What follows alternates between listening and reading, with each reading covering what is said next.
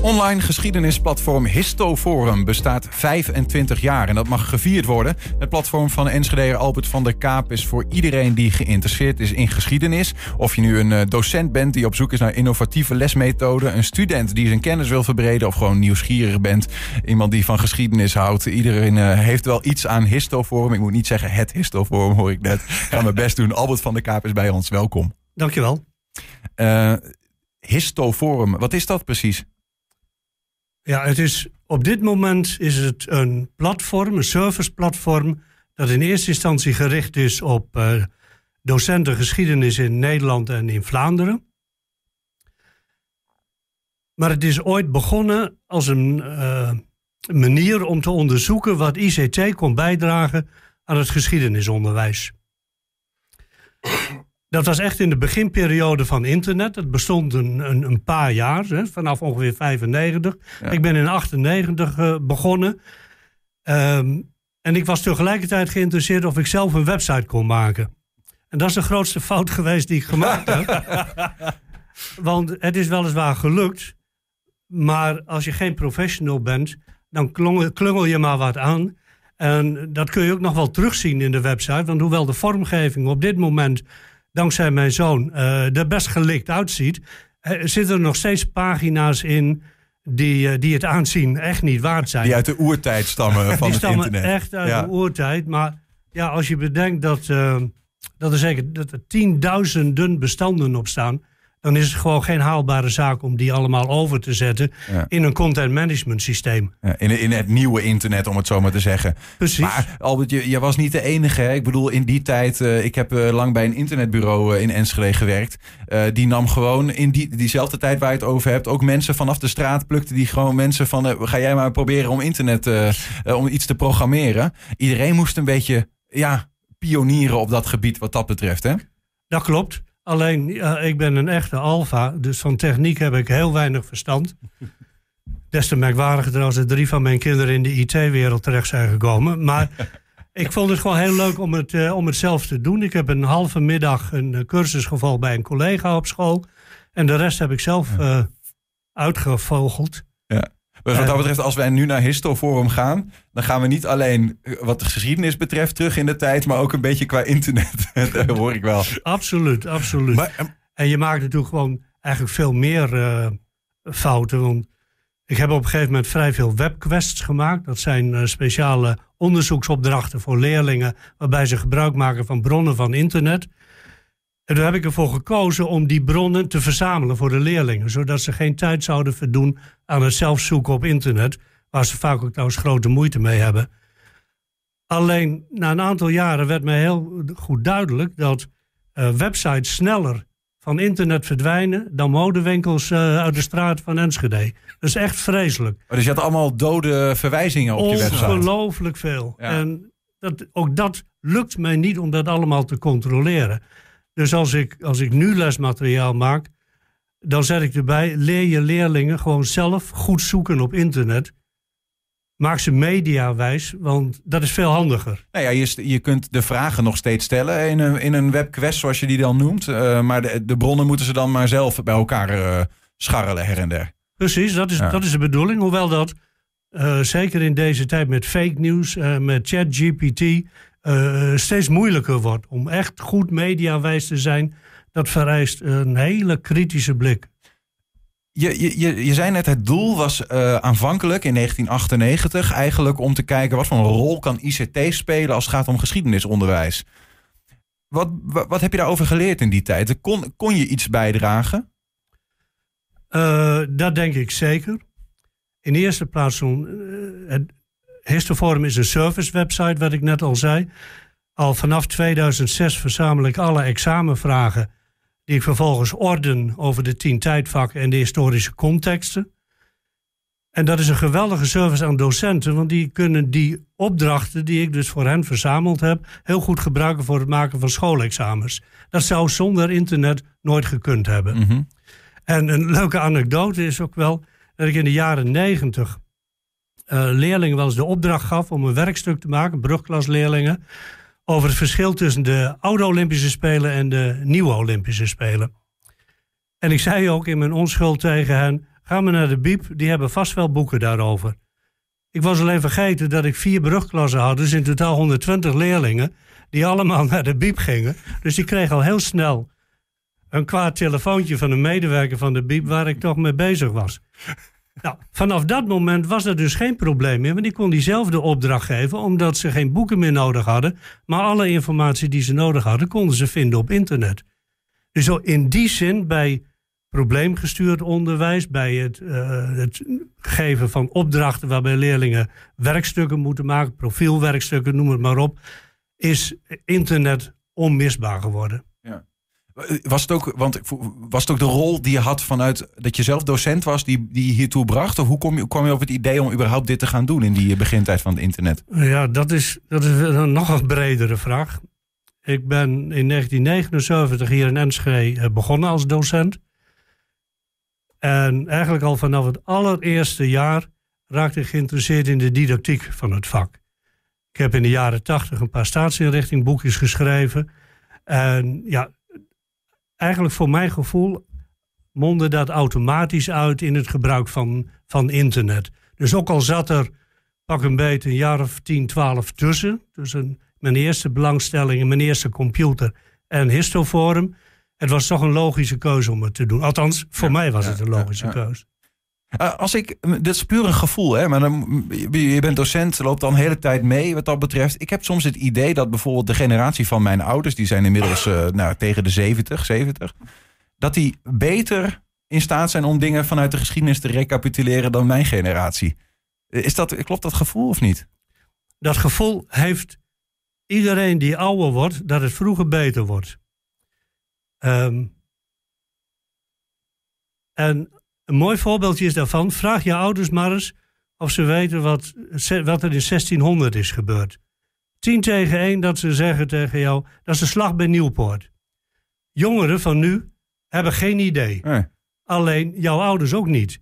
Die weten namelijk alleen 1600 slag bij Nieuwpoort. Maar zo gauw je gaat vragen, wat is het? Waarom is het van belang? Ja. Ik moet je eerlijk zeggen dat tot een, tot een jaar of tien geleden... ik het belang daarvan ook helemaal niet geweten heb. En wat, wat, is, want, wat is dan uh, de kunst van geschiedenisonderwijs wat dat betreft? Hè? Van hoe, hoe leert een, een mens eigenlijk over geschiedenis? En hoe heb je geprobeerd om dat in zo'n histoforum destijds... en misschien nu eh, is dat dan weer veranderd, dat weet ik eigenlijk niet. Kunnen we zo over praten hoe dat is veranderd, dat platform. Uh, dat te incorporeren op, die, op dat platform. Oei, nou snijd je een, een heel tricky punt aan. Want misschien Ga maar eens bij jezelf na trouwens. Als je denkt aan je geschiedenisleraar. Wat vond je een goede geschiedenisleraar? De verhalen. Precies, de verhalen. En tegenwoordig beleiden wij in ieder geval met de mond. En wat ik nu zeg is heel tricky. Ik uh, realiseer me dat heel goed. Maar wij beleiden dat geschiedenis moet zijn het leerlingen leren van historisch denken en redeneren. En als je leerlingen dat wilt leren, dan moeten ze dus zelf aan de slag. Want als zij moeten redeneren en denken, dan moeten ze daarmee geoefend hebben. Dan hebben ze kennis nodig, maar ze moeten ook dat kunnen toepassen. Door bronnen met elkaar te vergelijken, tegengestelde meningen met elkaar vergelijken. Maar als je als docent alleen vragen, verhalen vertelt en je vraagt tien jaar nadat ze van school zijn, hoe zat het ook alweer? Dan ben ik bang dat Willem van Oranje bij Dokkum is vermoord en dat Bonusatius een helper van Hitler was. Ik bedoel, het is een klok- en een klepelverhaal heel erg. Alleen een docent geschiedenis die wil zo graag verhalen vertellen. Ik ook hoor. Ja, nou, dat is natuurlijk ook wat mensen vaak prachtig vinden. Hè? Juist, uh, ik, had, ik had nog zo'n zo'n geschiedenisdocent die nog een pak aan had in de klas. Die, had hier, die stroopte zijn mouwen op en dan klikte die daar van die, van die dingetjes op. Die zijn, uh, meneer Koopman, Bruggetstraat, iedereen oh, kent hem. Ja, dat is een beroemde, en, collega. die gaf gewoon 45 minuten lang frontaal onderwijs hoor. Die gaf gewoon een hupsakee verhalen vertellen. Maar je zegt eigenlijk van dat staat eigenlijk een beetje op gespannen voet met de gedachte dat je vanuit moet denken dat, een dat een leerling ook zelf moet ontdekken wat er gebeurd is. Nou ja, het vervelende is dat die verhalen zijn natuurlijk gewoon hartstikke leuk. Ja. En voor een leerling is er ook niks prettiger dan 50 minuten in de klas gaan zitten en te luisteren naar een leraar die ook nog eens mooie, liefst ook een beetje spannende, misschien wel sexy verhalen uh, zit te vertellen. Mhm. En dat je zelf niks hoeft te doen. Dat historisch denken en redeneren is een hele lastige bezigheid. Ja. Daar moet je ontzettend goed analytisch voor kunnen uh, redeneren. En, en ook analytisch kunnen denken. En eigenlijk wil je die twee dingen gewoon samenbrengen.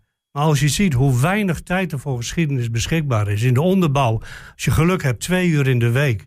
In de bovenbouw, alleen in de profielen, HAVO, VWO heb ik het dan over. Alleen in de profielen CNM en ENM.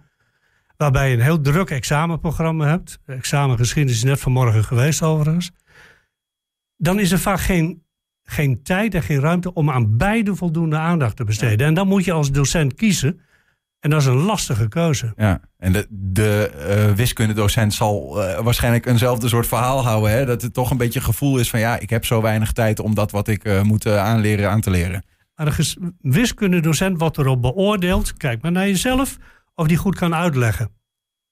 Als je het goed kunt uitleggen bij wiskunde, ben je een goede docent. Heb ik over een geschiedenisdocent nog nooit horen zeggen. Hm. Die moet gewoon verhalen kunnen vertellen. Die moet verhalen kunnen um, vertellen. Even, even, terug naar je, naar je forum. Hè? Want uh, daarom zit je hier ook. 25 uh, jaar bestaat dat forum nu. Wat dat betreft een uh, unicum. Want nou ja, het internet was net nieuw. Was je een van de eerste trouwens? ja, ik denk de vorm waarin die vorm gekregen heb, was ik, ja. Was ik inderdaad wel een van de eerste, zo niet de eerste. Er zijn daarna wel een aantal bijgekomen. Maar je ziet heel vaak dat Ehm, die collega's volledig voor de klas staan en dan er niet de tijd in kunnen stoppen die ze er eigenlijk graag in zouden willen stoppen. En ik heb dat ook gemerkt. Ik heb gezocht naar een jongere collega die al een eigen website had of die op termijn mijn website wilde overnemen. Die heeft er heel lang over nagedacht. Maar die heeft toch met, eigenlijk met pijn in zijn hart gezegd: Ik ga dat toch niet, niet voor elkaar. Het is te, als we er nu naartoe gaan, hè, misschien is dat goed, want ik denk dat mensen nog een beetje zwemmen als het gaat om wat, wat is dit nou eigenlijk voor een platform? Wat zien we dan? Wat kunnen we er? Hè? Is het vooral voor docenten, zoals ik je hoor zeggen, maar er staan ook uh, webquests op voor leerlingen. Uh, wat, wat is dit precies voor een uh, platform? Ja, je, je ziet ehm, dat er verschillende categorieën zijn. Vakinformatie is een categorie echt met informatie, actuele informatie voor een geschiedenisdocent. Het lesmateriaal is in principe ook voor de docent uh, gemaakt. Dat is allemaal vrij toegankelijk. Dus dat betekent ook dat docenten zelf kunnen kiezen wat ze ervan willen gebruiken. Ze kunnen ja. uh, het veranderen. Ze mogen het, mogen het vrij gebruiken, alleen niet commercieel. Uh, het toetsmateriaal, daar heb ik net al even iets ja. over, over gezegd. Overigens, bij het toetsmateriaal zit er nog wel een heel aardig onderdeeltje in voor leerlingen. Namelijk in elk examen zitten een, uh, twee vragen, twee chronologievragen. Dan moeten leerlingen zes keer een stukje tekst in een goede tijdsvolgorde mhm. zetten. -hmm. volgens mij hebben we daar ook een beeld van. Misschien kunnen we ja, de te eh, techniek is er nu net oh, naartoe okay. aan het lopen. Dus ik, ik hoop dat als hij leg, leg inmiddels klaar nou, zit... Dan leg ik het ja, ondertussen hier uh, okay. uit. Ja, kijk... Uh, dat zijn die, die zes stukken tekst. En die moeten leerlingen in een goede volgorde zetten. En dan moeten ze alleen zeggen 3, 5, 6, 5, 2, 1. Dit alleen, is hoe het er nu uitziet, Albert. Ja. je ziet wel inderdaad dat het, dat het wat ouder... Uh, maar, maar, maar ja. wel functioneel. Dat, nou, dit, dit is... Hier maakt de vormgeving, dit is van Hot Potatoes heb ik dat trouwens gemaakt. Want ik moet dingen gebruiken die gratis zijn, want de website kost me alleen maar geld. Maar het mooie hiervan is, dit is een drag-and-drop systeem. Mm. Dus in het examen kunnen de leerlingen hoeven alleen op te schrijven 3, 5, 2, 1, 4. Ja. Maar hier kunnen ze het naar een goede plek slepen. En het grote voordeel daarvan is dat je dan meteen een doorlopend verhaal krijgt en goed kunt controleren of het logisch is. Ja. Plus dat ze hier ook direct het antwoord krijgen. En ik merkte gisteren, dus de dag voor het examen, dat heel veel leerlingen hier nog mee geoefend hebben. Mooi is dat, hè? Ja. ja.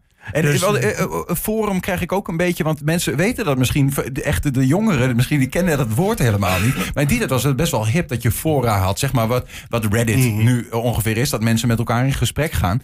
Want dat is wat een forum uiteindelijk is, een soort marktplaats. Uh, wat, wat, zit daar nog iets in van een uh, interactie tussen nee, de gebruikers? Nee, dat, uh, dat heeft er dus ook mee te maken hoe ik ben begonnen. Want als je dat goed wil doen, dan vereist dat kennis van de techniek om dat te doen. Plus dat je heel erg moet gaan modereren.